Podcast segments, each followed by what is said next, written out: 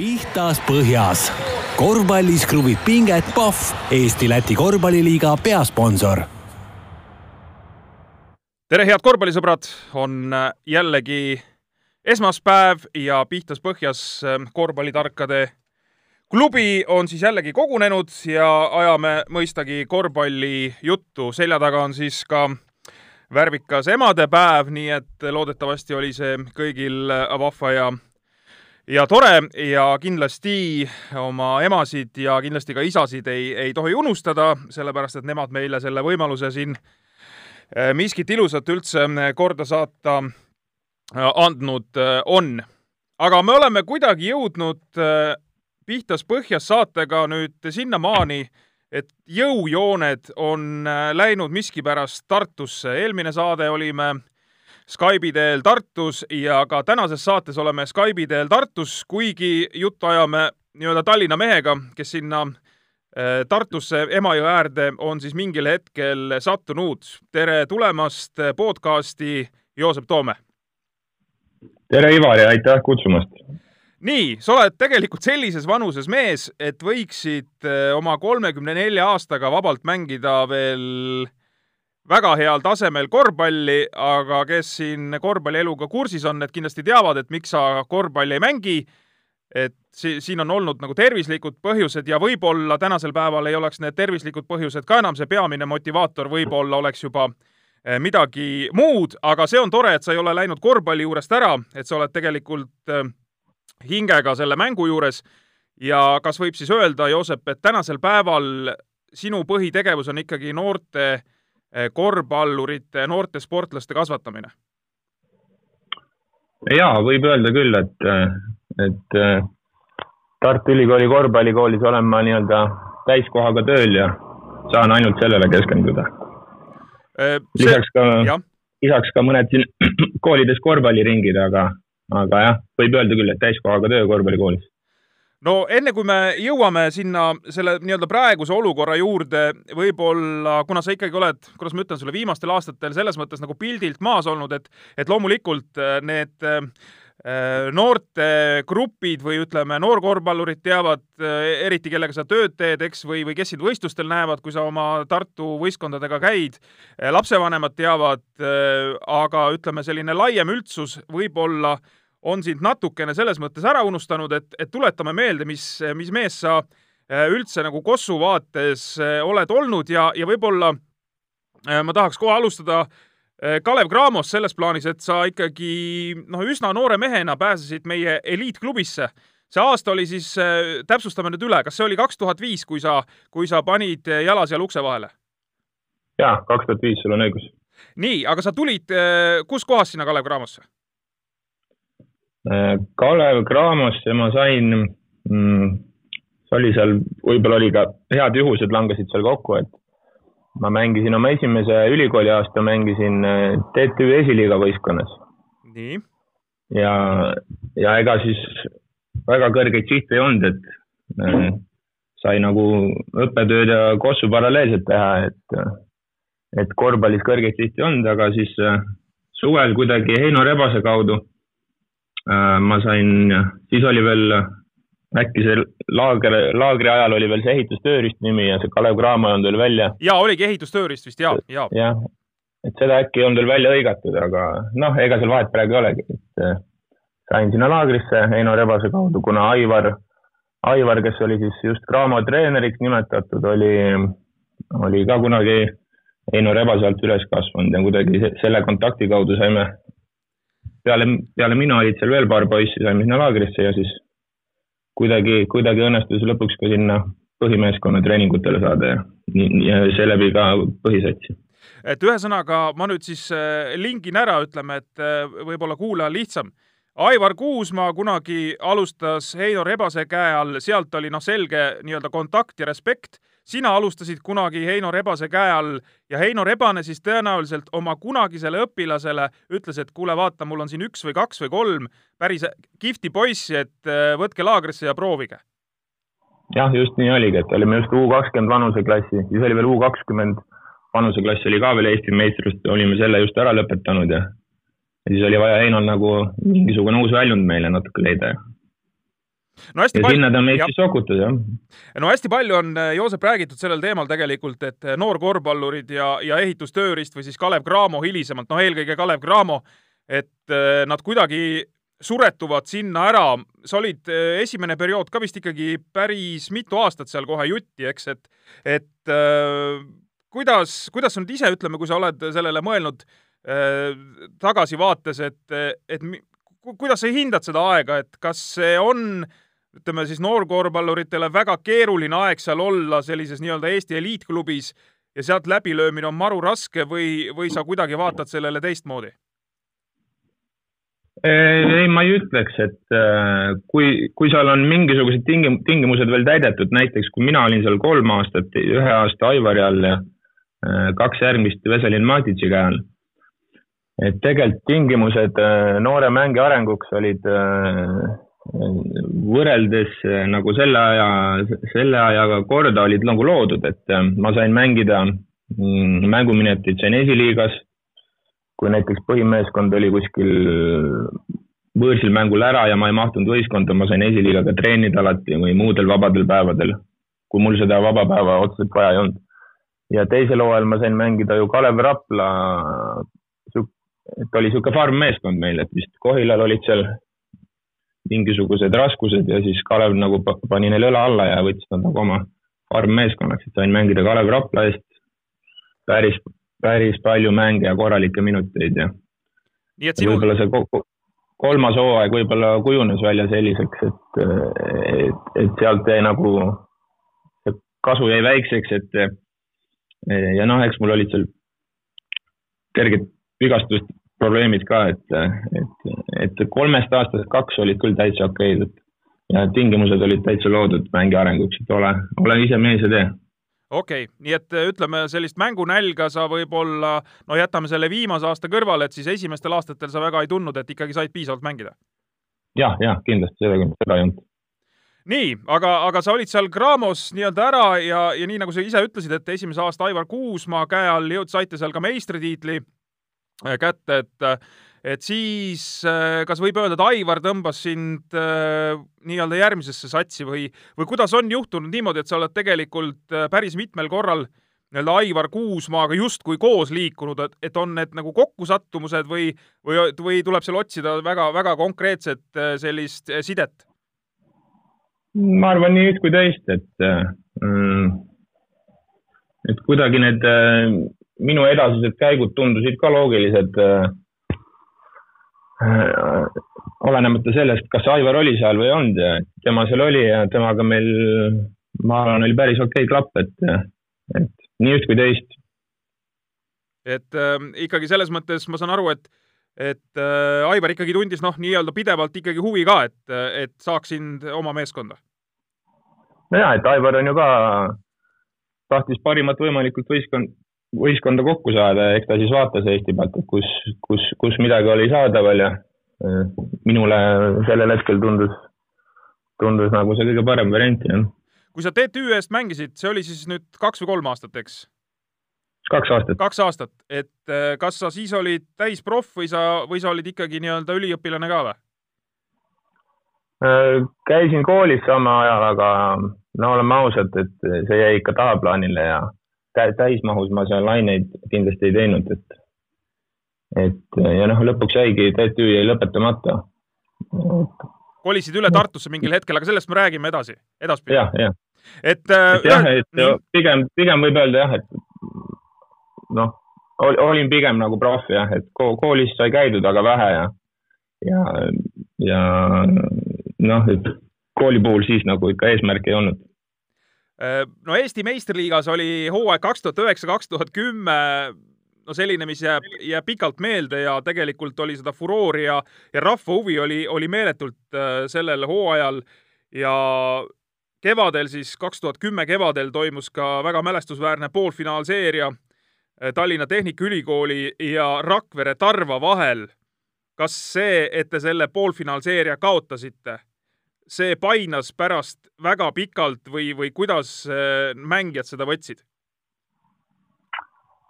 siiamaani painab, et äh, ja sellest ju räägitakse äh, päris tihti ja kogu aeg tõmmatakse see teema uuesti üles ja siis tuleb jälle kõik meelde, et, et siiamaani, et paratamatult jah, vahepeal mõtted lähevad sinna ja, ja mõtled, et mis oleks, kui, on ju. just. et jah, et see oli nagu vägev hooaeg ja ma arvan, et äh, kui ma kümme aastat mängisin meistriliigas, et see, see hooaeg on kindlasti kõige eredamalt meeles sest olgem ausad, et, et äh, nüüd äh, mitte halvasti ette heites, aga Andres Sõber ja Rakvere Tarvas on selle finaali jõudmise pinnalt nagu fanfaare puhunud kümme aastat, eks, et aga tegelikult oli no päris reaalne šanss ka teil sealt poolfinaalist edasi minna ja, ja asjad oleks võinud, ajalugu oleks võinud olla hoopis teistsugune.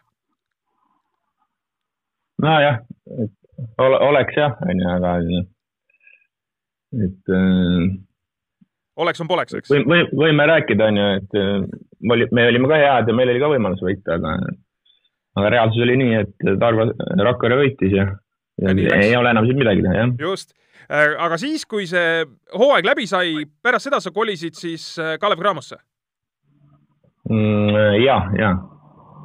Läks Aivar Kuusmaa ja läksid sina ka? Ja läks sealt vist veel mehi teil, mitte ainult sina, eks? ja meil Kristo Arule tuli Kaido Saks, Reimo Tamm. Äh, jah, põhimõtteliselt kolm meest TTÜ-st esiviisikut. neli meest. et, et Aivar võttis kaasa, aga, aga vaata selle TTÜ-ga on see ka, et kas sa, kas sa seal äh, nii-öelda tulles Kalev Cramost, suurest klubist, kus sa olid ikkagi noh, selgelt selline teise ešeloni mees, et äh, kas sa TTÜ-s said selle kindluse kätte, et, äh, et ma võiksin olla täitsa selline liidrirolli kandev mees kusagil võistkonnas ja, ja et sa said nagu selle maitse suhu või selle tunnetuse? Äh, mõnes mõttes kindlasti jah, et, et kui nende Kalev Cramo aegadega võib-olla see enesekindlus oli natuke kaduma läinud, siis seal sai selle kuusega tagasi ja ja, ja tekkisid juba jah, siuksed äh, võib-olla naljakas mõelda, on ju, et ma olin siis juba mingisugune kakskümmend kolm ja siis tekkisid juba tekkisid mingid eesmärgid siis kõrgemad, on ju.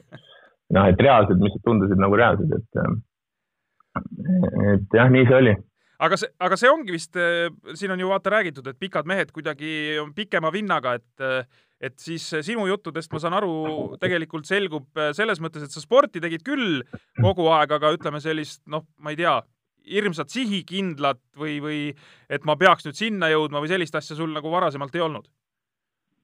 ei olnud jah, et, et tegin seal vahepeal korvpalli kõrvalt ka natuke põlve otsas kergejõustikut ja.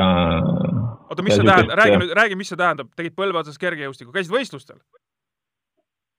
Ei, ei, ei, et korvpallitrennis vahepeal ei käinudki, et, et käisin siin ja käisin seal ja et niisugust äh, noort, noort, noortes, noorteeas ma niisugust jah, sihipärast treeningtööd ei teinud ja et äh, ja noh, ja isegi keskkooli ajal see, see ülikooli esimene aasta, mis ma rääkisin, kus ma TTÜ-s mängisin, et ega siis ka tegelikult nagu kõrgeid eesmärke ei olnud või niisuguseid ambitsioone Need äh, tekkisid alles jah, ülikooli teisel, teisel aastal, kui ma sinna Graamo-pingile sain.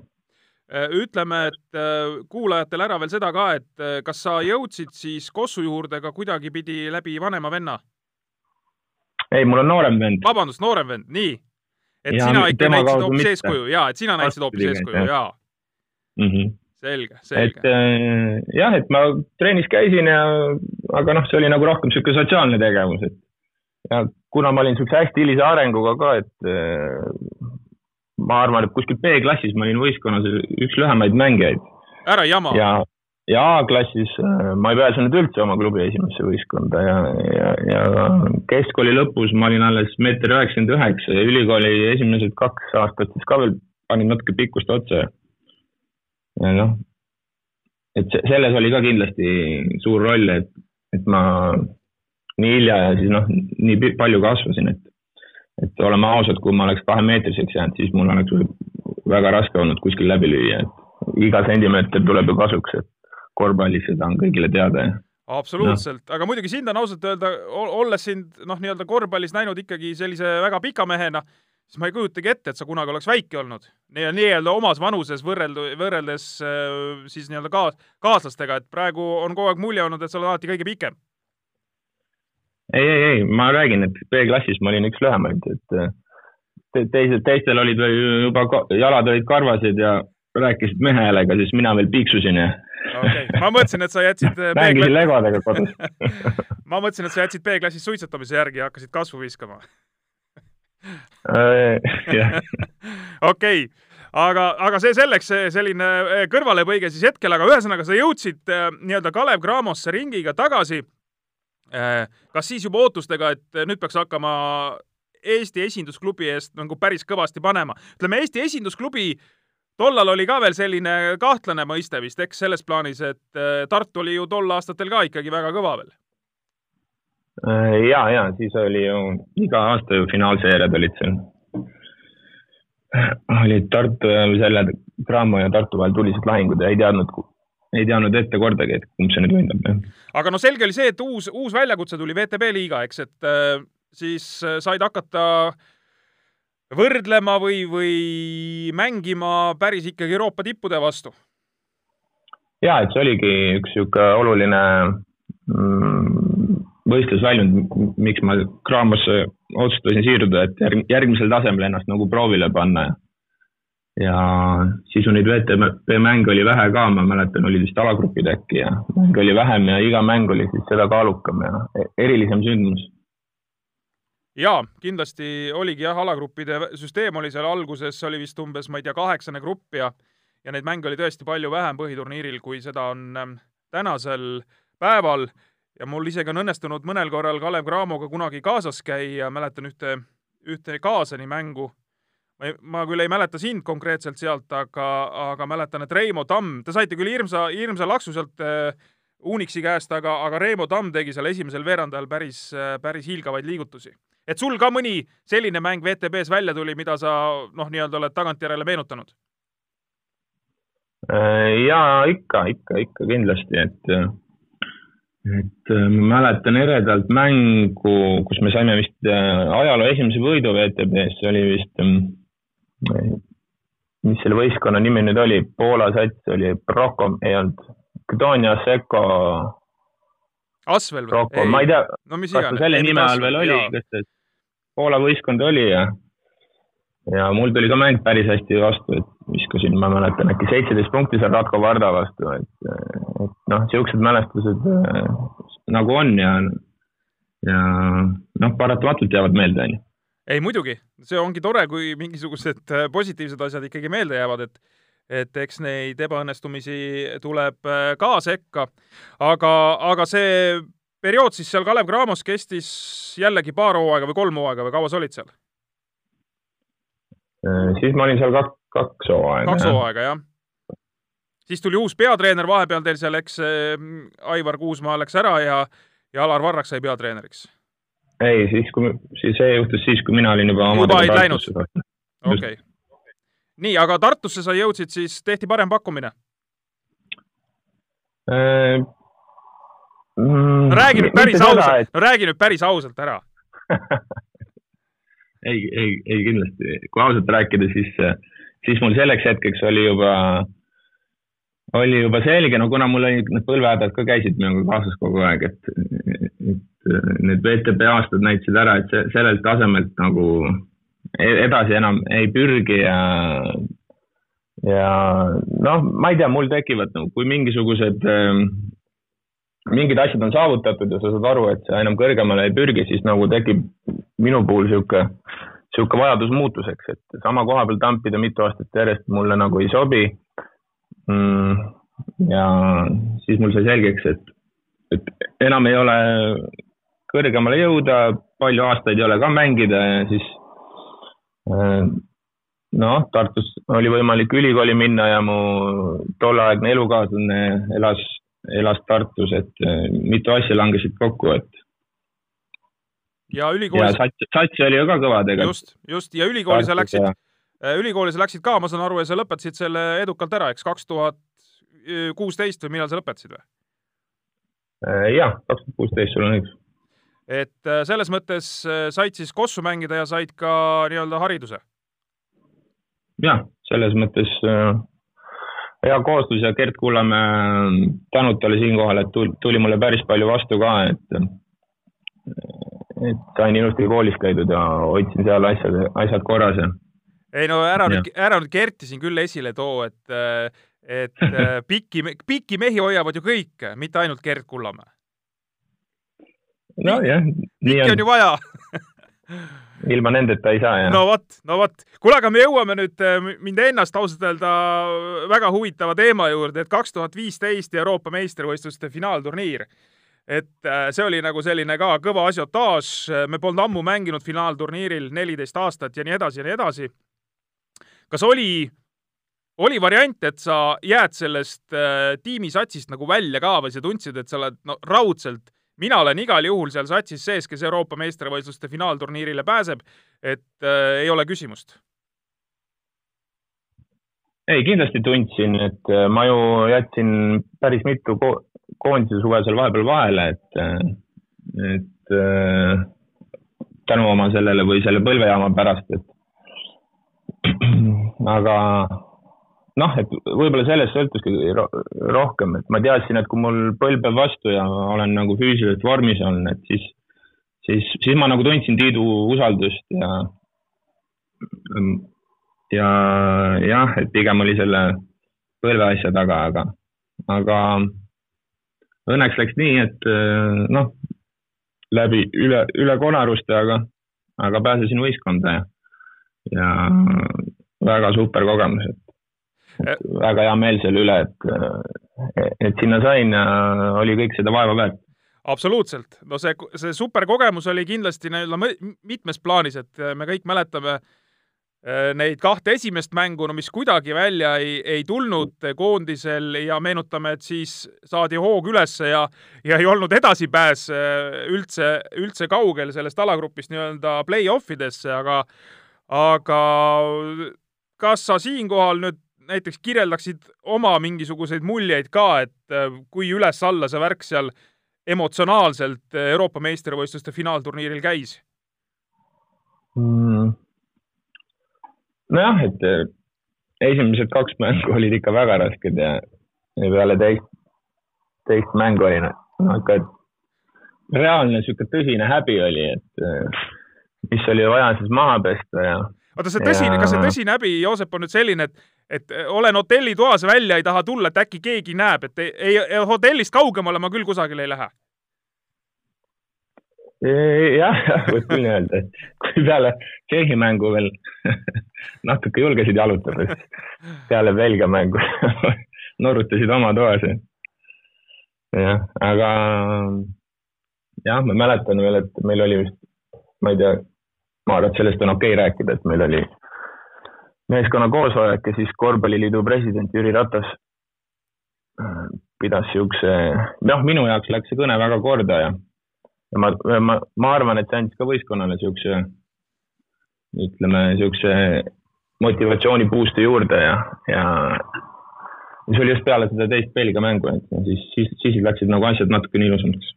Eh, kuule, räägi, kui sa juba hakkasid eh, niimoodi vaikselt meile tagatoa asju rääkima, et teil oli ju meeskonnas ju olemas tegelikult ju kõnepidaja. kus oli siis Andres Sõber sellel raskel hetkel, kes noh, peaks olema selline motivaator ja, ja tuhhi üleval hoidma, et miks tema kõnet ei pidanud teile? et ei, tema ka kindlasti pidas, aga tema oli ju ka selle asja sees ja oli seal äh,. Ega ta ka ei oodanud, et need esimesed kaks mängu niimoodi lähevad ja võib-olla, võib-olla oli vaja, et tuleb keegi natukene väljaspoolt ja just, just selge, no igal juhul see mõjus teile tõesti hästi. see kolmas mäng oli Ukrainaga, selle te ära võtsite ja ja, ja Leedu, ütleme, pääses, pääses üle noatera meie käest ja siis tuli see viimane mäng lätlastega, kus oli kaalul, kas saame play-off'i või ei saa.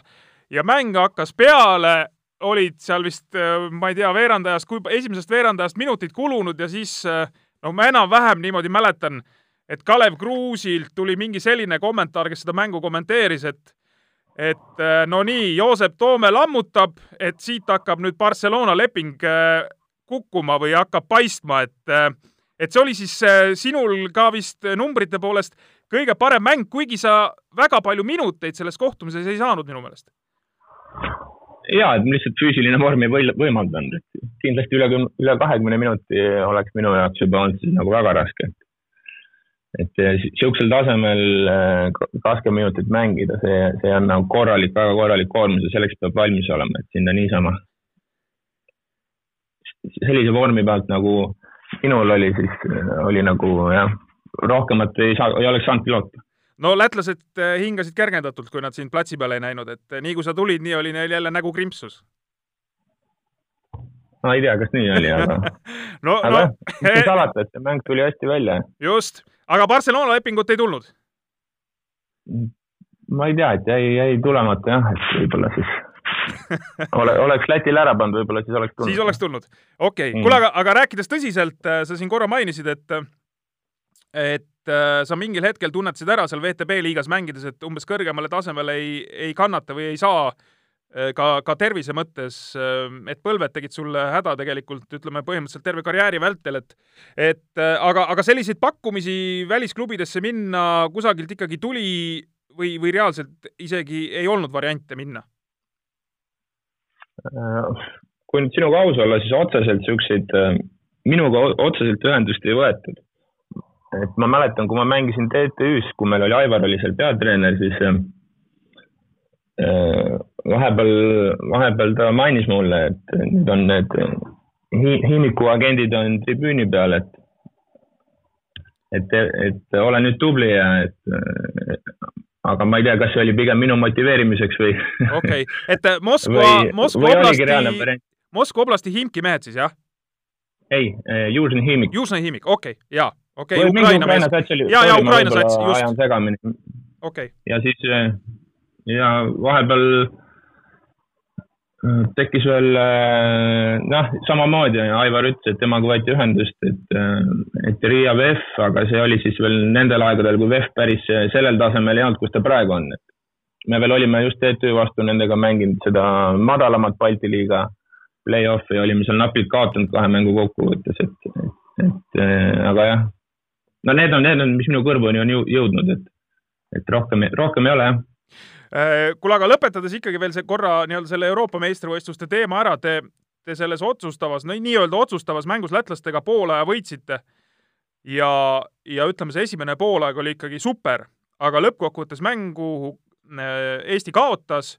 kas mõni mees läks riietusruumi, no pettumus, ilmselge pettumus, et, et ka selle nii-öelda hea lõpufoorilt selles mõttes hea lõpu, et arvestades, milline see algus oli, et ikkagi pettumus, sest see pääs oli üsna lähedal, edasipääs, et kas mõni mees läks äh, riietusruumi ja, ja lõi seal, ma ei tea, no mitte, ma ei taha öelda, et ta ilmtingimata nüüd jalaga lööma pidi, aga, aga noh, nii pettunud oli, et ma ei tea, et, et see no ei mahtunud kuidagi hinge, et äh, ma just tahan seda, tahan seda spordimeeste mentaliteedi sinu käest praegu kätte saada mm,? jaa, kindlasti, kindlasti, sest me ju, mäng ju algas väga hästi ja me äh, pooleks olime ka, ma arvan, seal päris korralikult ees, kui ma õigesti mäletan. ma arvan, et see oli mingi kümme või peal isegi oli see vahe äkki või? ja, ja see teine poolak kujunes nagu väga frustreerivaks. ja kindlasti pettumus oli suur, aga jah, noh, võib-olla natuke seda olukorda leevendas see, et algus oli veel hullem ja noh, lõpuks noh, mingisuguse, mingisuguse nagu jah, leevenduse me sealt saime, aga, aga jah, variant oli ju tegelikult lõpus reaalne edasi saada play-off'i, et eh, see, et jah, uskumatu. absoluutselt, no vähemalt nii nagu sa varasemalt siin mainisid, vaata, et te saite pea püsti tagasi tulla, et ei pidanud hiilides tagasi tulema Eestisse, eks no kas pea püsti, aga jah. okei okay.. saime tagasi tulla vähemalt. absoluutselt eh, Läheme nüüd selle noorte Kossu juurde ja, ja sinu treeneri töö juurde, kui palju sa nüüd, ma täpselt ei tea, mis aastast sa seda treeneri ametit selles mõttes pead, seda sa saad kohe ise rääkida, aga aga kui palju sa oled juba jõudnud sinna staadiumisse, vaatamata sellele, et sa oled kolmkümmend neli alles, et kus meie omal ajal, õu poisid, kui te nüüd korralikult ei tee, siis ma hakkan teile rääkima, kus meie omal ajal tegime. no mis siin salata, ikka viskab vahepeal sisse, aga aga jah, et kui sa ennem, enne seda viimast küsimust teema siia viisid, siis jah, et ma alustasin ju peale mängija karjääri, ma olin kõigepealt, aitasin Alar Varrakul Kalev Cramossel videosid lõigata ja selle koha pealt teda ja siis järgmiseks, järgmiseks hooajaks tulin nagu jah, Tartusse täiskohaga treeneriks, et nüüd vist, kui ma ei eksi, siis neljas aasta saab täis selle. No Euroopa meistrivõistlustega sa ju põhimõtteliselt lõpetasidki mängimise ära, eks? ja, ja et peale, peale Läti mängu ma ei ole, kui aus olla sinuga, siis ma ei ole ühtegi, ühtegi mängu mänginud. et, et jah. et äh, jaa, päris tundub isegi ausalt öelda selline natukene ootamatu, ei ole selle peale niimoodi mõelnudki, et, et äh, EM läbi, kõik ketsid varna ja kogu lugu, aga noh, sul oli see taust oli ikkagi vähe teine, et sul, sul tõesti oligi seesama küsimus, et äh, palju see jalg kannatab ja palju ei kannata, eks? nojah, et see oli minul noh, teadlik otsus, teadlik nagu selline risk, et kui ma nüüd selle suve seal kaasa teen ja EM-i kaasa teen, siis ma tean, et mul see esimene, kui ma isegi oleks edasi mänginud, et see esimene hooaja pool oleks niikuinii lööri läinud, et et jah, et see natuke ma nagu aimasin ja teadsin seda ette, et see on mu karjääri viimane mäng ja võib-olla sellepärast see alguses nii hästi välja tuligi, et siuksed kõik piirid olid läinud ja sihuke, sihuke. vabadus nüüd ma nagu tean, jah, et nagu nüüd ma tean, et kui siin suured mängijad ütlevad, võta igast mängu nagu see oleks su karjääri viimane, et et sain aru, et mis tunne see on ja päris, päris sihuke vabastav, jah. kas su poisid, selles mõttes poisid, kes sul trennis käivad, on sul mitu gruppi või ja mis vanuses poisse sa treenid äh,? igas vanuses seal, et, äh, et äh, jah, et siis vanematel poistel olen olnud abitreener äh,. aga sihuke põhi, põhigrupp, ütleme, kui vanad sul on äh,? põhigrupp, äh, kus ma olen peatreener, oli see mul kaks tuhat seitse sündinud ja noh, kaks tuhat kuus poiste juures olen ka Äh, pigem abitreenerina, et. ütleme sellised kaheteist. kaks tuhat kuus, kaks tuhat seitse, jah. kaheteist, kolmeteist, neljateistaastased poisid, et äh, kas nad teavad, ma lihtsalt küsin äh, nii-öelda täitsa oma, oma kogemusele tuginedes, et kas nad teavad ka, mida sa oled teinud ise korvpallurina, kas sa oled nii-öelda ise rääkinud seda või, või nad on uurinud või kas, kas teil on see temaatika ka, ma lihtsalt toon seda sellepärast praegu siia sisse, et näiteks ma olen öö, no noorena mina tegin jalgrattasporti selles mõttes ja ma, ma teadsin küll, et mu treener äh, oli sõidumees, oli, oli päris kõva mees äh,, isegi vahest me seal tegime äh, selliseid, äh, noh, ta tõi mingisuguseid karikaid meile näidata ja asju, aga lõppkokkuvõttes ma olen ikkagi aru saanud, et ma oleks, ma oleks tahtnud veel enam teada saada äh,, sest, sest see, see info või, või ütleme, need äh, kogu see suur aura ei jõudnud ikkagi lõppkokkuvõttes minuni. Ja sellel ajal, kui ma noor olin ja seal sporti tegin, aga tagantjärgi ma mõtlen, et kui, kui oleks jõudnud ja ma oleks aru saanud, vau, et treener nii kõva mees olnud ja võib-olla see oleks minusse veelgi enam sütitanud äh, nagu sellist tahtmist või, või et ma tahan olla sama kõva mees, kui tema oli või midagi sellist, et, et ma, ma täiesti isegi nagu kutsun sind üles, et kui sa ei ole seda teinud või, või poisid ei ole piisavalt palju uurinud, et siis tegelikult tuleks, tuleks neid asju rääkida, eriti veel, kui sul on rääkida ikkagi nii kõva mäng kui, kui Euroopa meistrivõistlustelt Lätiga.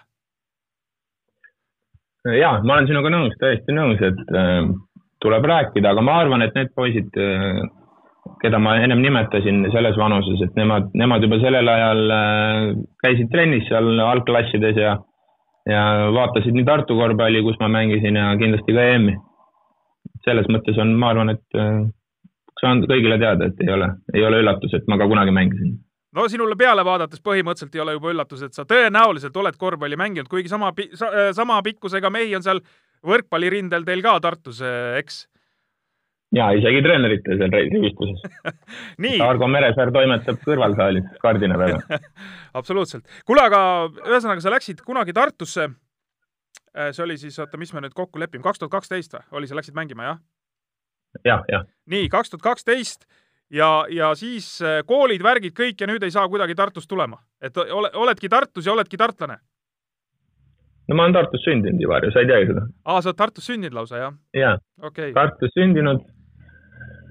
Ja vist oli niimoodi, et peale ema ülikooli lõpetamist vist üks päev sündisin elasin siis nädal aega Tartus ja siis et jah, algupäraselt Tartu poiss. selge, juurte juurde tagasi.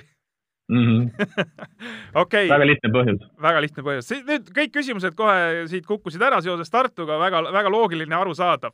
saime lahendatud ära lahendatud. aga, aga see treeneri töö selles plaanis, et äh, ma olen, ma olen ausalt öeldes, Joosep, saanud äh, kõrvalt erinevaid arvamusi ja, ja ma olen mingite ürituste raames seal ise ka näinud, et äh, millised kutid sul on ja, ja kuidas sa nendega seal toimetad, et et väga kiitvad hinnangud on, et, et see tõenäoliselt tähendab siis seda ka, et kas sa oled ikkagi nii-öelda jõudnud õigete liistude juurde, et sa tunned ennast seal nagu hästi, et sa teed õiget asja ja, ja see kõik justkui nagu toimib äh, väga kenasti mm,?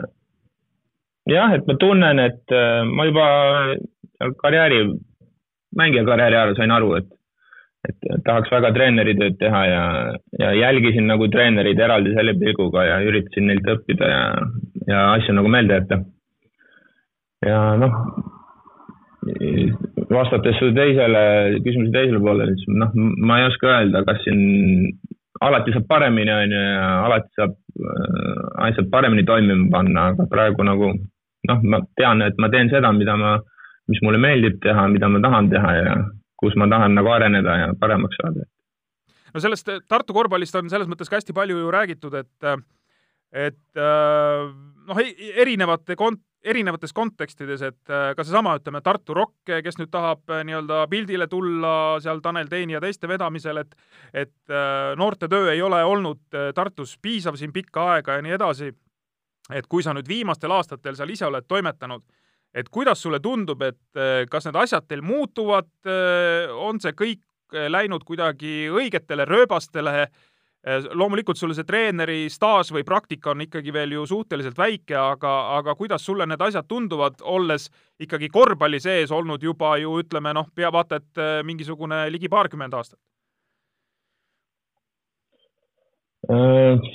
Mm, no alustame sellest, et ähm, võib-olla üks murekoht on see, et äh, Tartus, äh, Tartus on, kui Tartu oli alati kõva korvpallilinn, on ju, et siis nüüd on siia tekkinud ka palju teisi alasid ja hästi tublisid spordiklubisid, kes väga äh, edukalt viivad oma asju läbi ja värbavad lapsi, et, et kõik, kõik ju algab sellest, et kui sa, kui sa sportlikke lapsi oma gruppidesse ei saa seal algklassides, et siis edaspidi on juba keeruline. paratamatult on hästi, hästi tähtsaks läinud see, see pool ja, ja hästi palju klubisid on, kes siin teevad selles osas head tööd, et, et siin on kindlasti meil, meil juurde panna ja, ja, ja selle üle tuleb ka siin nüüd järgmised, järgmised hooajad kõvasti juurelda, kuidas seda poolt parandada. aga noh, treeningtingimused on meil ju äh, ütleks ühed Eesti parimad on ju, meil on kõrval see kergejõustikuhall ja viie saaliga spordihoone ja kogenud treenerid, et, et jah. et siin nagu ei ole, ei ole mingisuguseid takistusi justkui, eks? Äh, jah, et ei saa nagu, sinna taha ei saa nagu pugeda tuleb ise mees olla ja nüüd natuke seda Tartu korvpalli head nime öö, uuesti, uuesti kuidagi taaselustada ja, ja, ja saada see korvpallipisik Tartu laste, laste sisse tagasi. kui sa nüüd vot näiteks enda, enda kunagisi mingi nooruspõlve asju meenutad, et, et näiteks noh, ma, ei tea, sa oledki tunnetanud lõppkokkuvõttes mingil hetkel, et vot noorena oleks pidanud seda asja oluliselt rohkem tegema, et sellest jäi mul kõvasti puudu, aga vot need asjad tegelikult olid päris, päris head, et eh, need asjad ma sain nii-öelda kõik kätte, et kas sa oled vahest juurelnud nii ka, et, et nüüd, kui sa lähed ise noortele trenni andma, et vot neid, neid asju ma ei tohi kindlasti unustada, et neid, neid on neil igal juhul vaja, selle ma olen oma nahal ära tunnetanud oh, tead, äh, nii hästi ei mäleta neid nooruspäevi, et mis me seal täpselt tegime ja millest puudu jäi. no kindlasti mäng on ju läinud kiiremaks ja tehnilisemaks, et individuaalset tehnikat on tänapäeval, ma arvan, et ka kõik teevad seda, on rohkem vaja ja ja just füüsilist poolt ka rohkem järgida, et mina ei mäletaks, et meil oleks eraldi nagu niisuguseid üldkehalise ettevalmistuse trenne olnud, et ma arvan, et nüüd need on ka enamus spordiklubides juba äh, programmides sees et võib-olla need kaks asja tooks välja praegu jah, mis on, mis on nagu juurde tulnud kindlasti.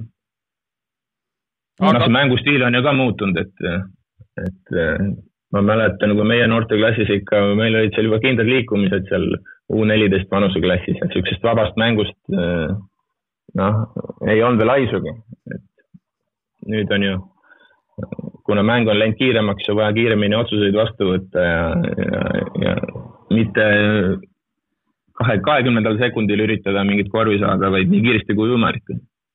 et see on ka päris palju muutusi sisse toonud ja, et ühesõnaga sina oled siis nagu ka, ütleme nüüd, kui ma panen su treeneri pingile, seal noortevõistlus käib, mehed ei kombineeri, et eh, kellel on võimalus, see paneb peale ja paneb selle palli sisse äh,? jah, et seal tulebki leida see kuldne kesktee, et sa ei saa päris nagu laadaks kasse lasta ja mingisugused kahe-kolme mängija kombineerimised, need on ju väga okeid ja tuleb leida jah, sihuke, sihuke oma tee. Äh, kuidas on selle laste silmade säramisega, et siin on äh, olnud ma täiesti eile täiesti juhuslikult olin netis selles plaanis juhuslikult, et ma tegelikult natukene kaevasin sinu kohta mingit informatsiooni aga, aga sattus üks äh, mingi käsipalliartikkel seal kogemata mingisse valikusse ja seal oli just, et, et noortel on seda äh, sära silmis puudu, oli ka mingi treeneri, treeneri jutt seal, et äh, et kuidas sulle tundub, et, et on seda sära või ei ole, ma ausalt öeldes, ütleme, mul on, mul on kodus ka kaks kutti, üks on vanem, üks on kuusteist, teine on kümme ja ma ütlen, et, et kohati ma ausalt öelda ikka näen seda, seda helki küll seal, et, et on, on igasuguseid päevi nagu meil kõigil, noh, selles mõttes on ka selliseid päevi, kus nagu ei taheta väga midagi, noh, nii-öelda korvpallist kuulda ega näha, mis on täiesti loomulik, aga samas ma vahest ikka näen, et, et see, see silmade põlemine on olemas, et, et kuidas sina nii-öelda oma, ütleme, pundi pealt seal või oma tunnetuse pealt selle kohta ütleksid? Äh, ma võin täitsa üldiselt öelda, et äh, minu arust see on täit-, mina sellega nõus ei ole, et noortel sära ei ole, et äh, lastel on sära silmis, lastele meeldib liikuda ja lapsed tahavad liikuda ja mängida. tuleb lihtsalt treenerina leida need õiged viisid, kuidas see, kuidas see sära seal silmis ei kustuks ja et see, et see oleks nagu kõik jätkub. ja noh, arvestama peame muidugi ka seda, et keskmine Eesti laps on kindlasti vähem sportlik, kui ta oli kümme, kakskümmend aastat tagasi. aga jah, see on paratamatu, elu, elu on kujunenud selliseks ja tuleb lihtsalt sellega kohaneda ja, ja tegelikult ju jah, nagu ma ütlesin, last, lapsed tahavad liikuda ja mängida ja tuleb leida lihtsalt õiged vahendid äh,. no näiteks ma toon sulle ühe näite, et kui meil nüüd äh, oli see koroonakriis ja nüüd tõesti meil äh, esmaspäevast saime alustada välitreeningutega ja ise, noh nüüd jälle sõitsin autoga sinna treeningpaiku, kui mul oli, kuna mul oli vaja palle transportida ja siis vaatan tee ääres üks kutt nagu jooksis trenni, kes pole, ma arvan, seda kunagi teinud, nüüd see nälg ja see põud oli nii suur, et siis vaatasin kella, et kas ta hakkab hilinema või milles asi on, et miks, miks ta jookseb, siis vaatan, kakskümmend minutit on aega ja siit ei ole veel palju minna et eh, lapsed tahavad liikuda ja trenni teha, et selles ma olen veendunud. ei, absoluutselt, ma olen selles plaanis ka sinuga nõus, et, et ega see koroonakriis, ehm, see ajab kodus tegelikult kibelema või sügelema, et eh, kui sa noh, ei tohi minna, on ju, keelud on peal, seal sõpradega nii-öelda koos mängida ei tohi, siis eh, ega nad küpsesid siin päris kaua ja kui need nii-öelda luugid lahti uuesti läksid, siis, siis noh, täpselt nii juhtuski, nii nagu sa kirjeldasid, eks ja,. jah, jah, jah seal Tartu Ülikoolis te tegelikult, ma saan aru, ei, ei muretse või ütleme, ei tegele ainult Tartu noortega, vaid tegelikult seal on, vähemalt oli või on jätkuvalt ka mingisugused Lõuna-Eesti projektid teil käsil? Äh, ja kui nüüd sellest projektist rääkida, aitäh, et sa selle teema lahti, lahti tegid. Äh, see oli vist äkki kolm, kolm aastat tagasi, kui Gerd Brandt niisugusele mõttele tuli ja koos koos selle algatasime, et mõte on siis selles, et et seda Lõuna-Eesti korvpalli ka kuidagi elavdada ja tekitada niisugust ühtsustunnet siin, et meil on siin hästi palju väikseid klubisid, Lähtel, Nõol, Räpinas ja, ja nii edasi, et ma siin teen kindlasti liiga, kui ma kõiki ei nimeta, aga, aga neid on veel. mõte oli selles, et, et pakkuda nendel poistel ka niisuguseid ühiseid treeninguid paremas keskkonnas sest paratamatult ju neil on väga raske saada niisuguseid ühe, ühe vanuseklassi gruppe kokku, et kui me räägime näiteks niisugusest kohast nagu Vasse Kuuste, et palju seal üldse selles vanuses poisse kokku on, on ju, et võib-olla ongi kakskümmend poissi selles vanuses ja kui sa viis tükki neist juba trenni saad, siis on hästi ja, ja aga kui sul käibki iga päev käib viis-kuus poissi trennis, siis, siis see, see ei ole ka nagu jätkusuutlik, et et korraldasime jah, nende klubide poistele ühiseid niisuguseid treeninglaagreid ja ühend, ühendvõistkonnana osalesime ka noorte Balti liigas. ja jah, jah, talvel on meil niisugune traditsiooniks kujunenud talvelaager juba Käärikul ja suvel samamoodi suvelaager ja siis seal koolivaheaegadel ja kui võimalik, kuskil nädalavahetustel teeme niisuguseid ühe-kahepäevaseid treeningpäevi. et see on selle mõte jah, et et äh, siin Lõuna-Eesti regioonis natuke seda ühtsust tekitada ja, ja pakkuda niisugust paremat, paremat väljundit.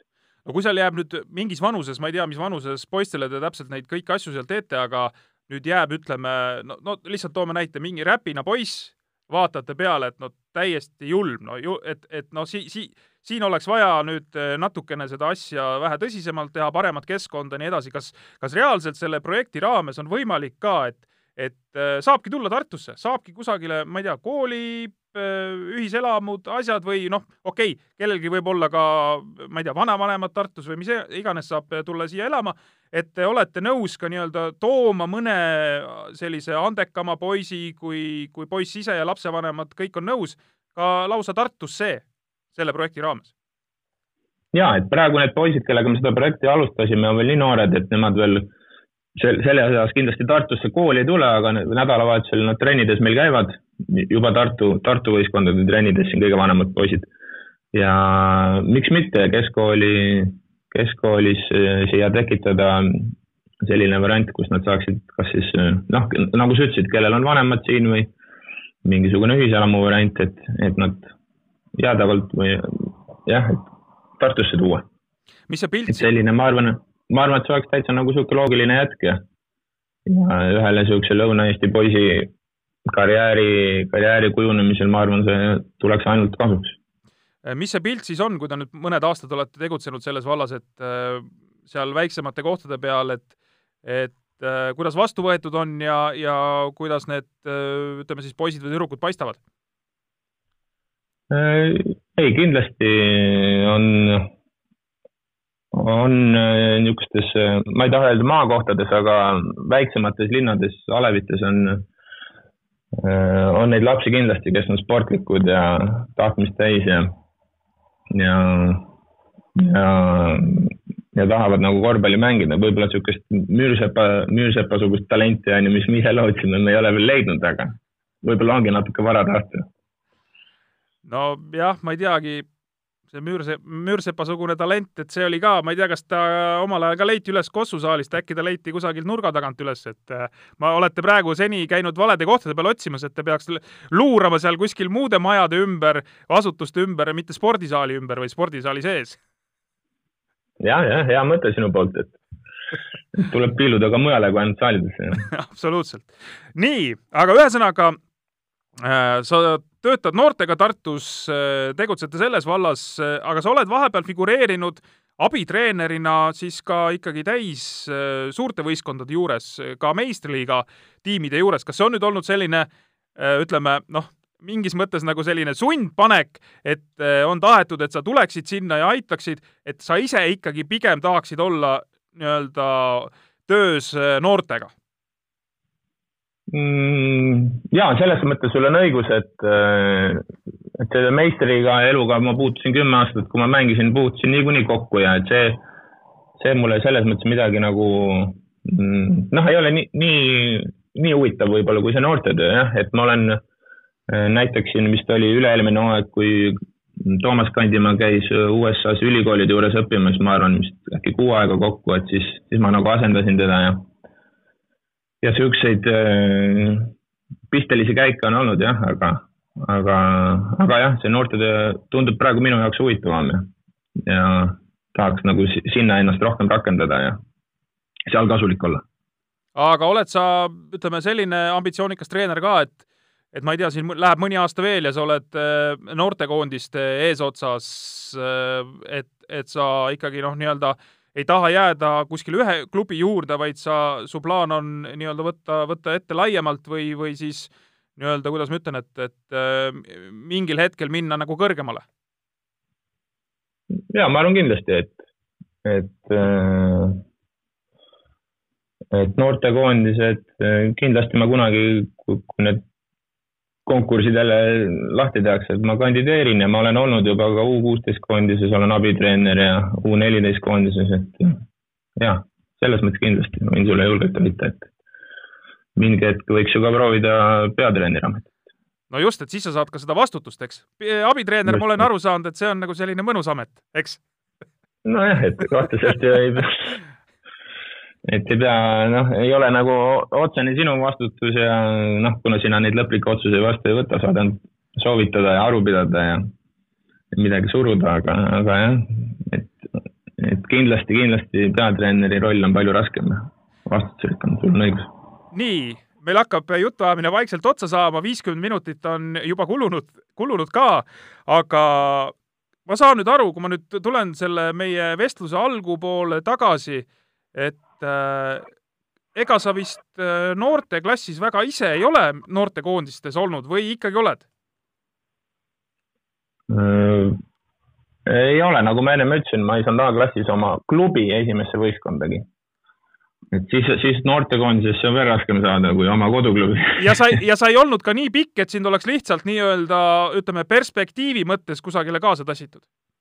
ei olnud, ei olnud ma arvan, U kaheksateist klassis ma olin seal meeter üheksakümmend, meeter üheksakümmend viis vahel.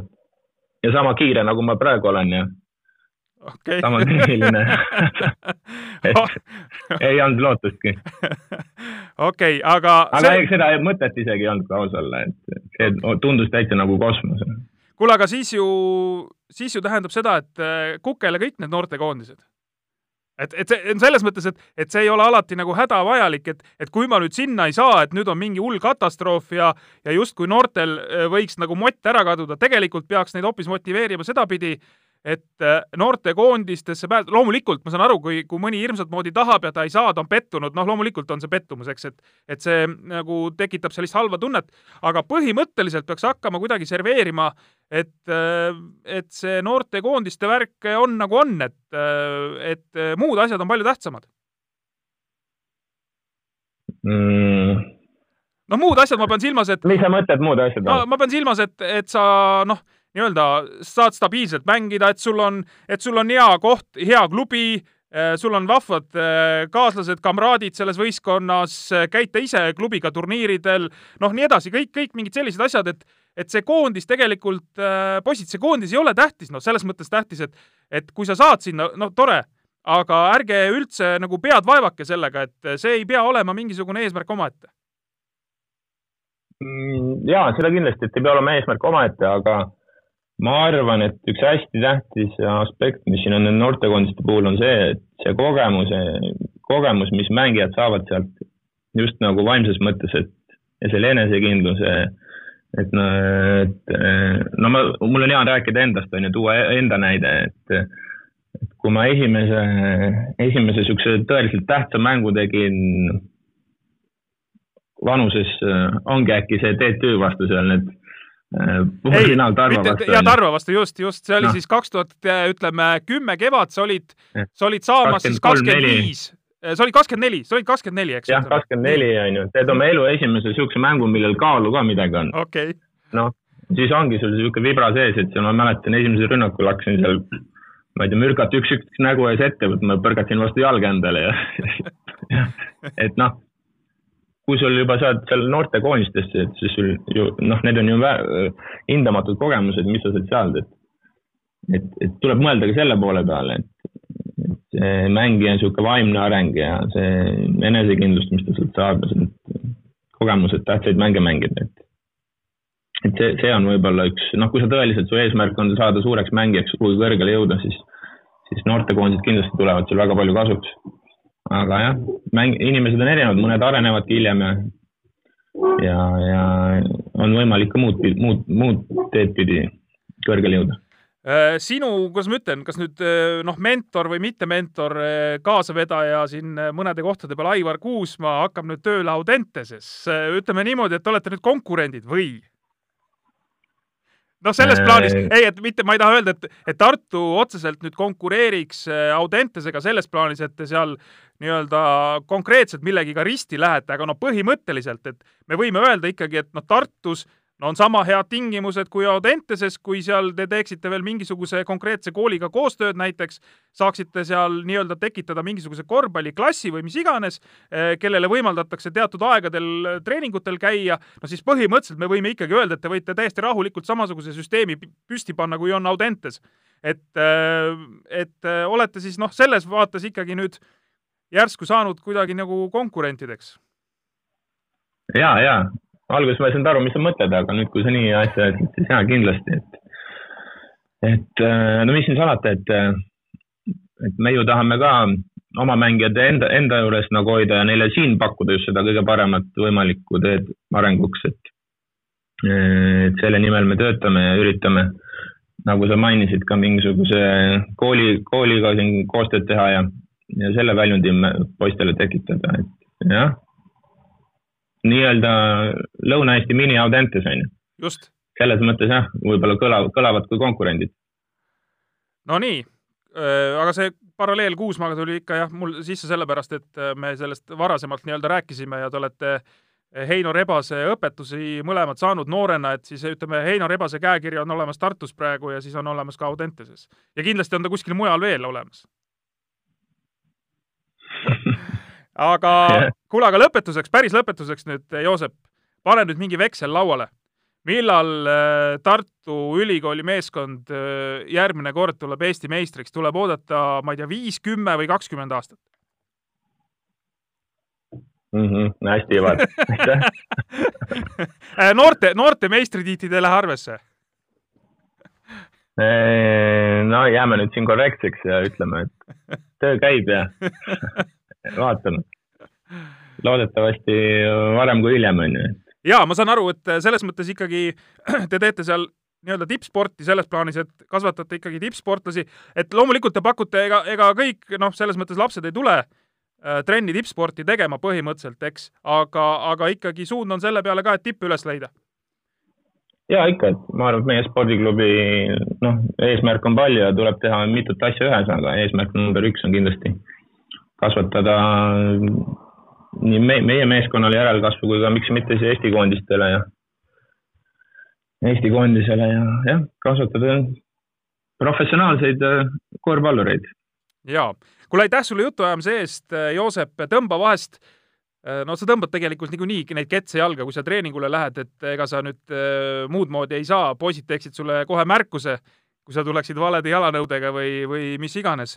sul on päris terased kutid seal, ma olen äh, mõne noore poisiga seal isegi tibake intervjuud teinud, et äh, väga teravmeelsed olid. et selles plaanis äh, tõmba ikka ketsid jalga vahest, kui kannatab, tee mõni mäng ka ja ja väga vahva, et sa seda Kossu asja seal Tartus hingega ajad. ja, aitäh, Ivar, kutsumist ja äh, tänud ka sulle, et sa niisugust podcast'i asja teed ja, ja iganädalaselt on huvitav kuulata ja edu sulle selles! ja aitäh ja meie siis, head kuulajad, taaskord äh, saame kokku järgmisel esmaspäeval ja meil on selles maikuus jäänud veel kaks äh, toredat äh, saadet, nii et aitäh kuulamast. näeme-kuuleme jälle. pihtas põhjas korvpallis kruvib pinget Pahv, Eesti-Läti korvpalliliiga peasponsor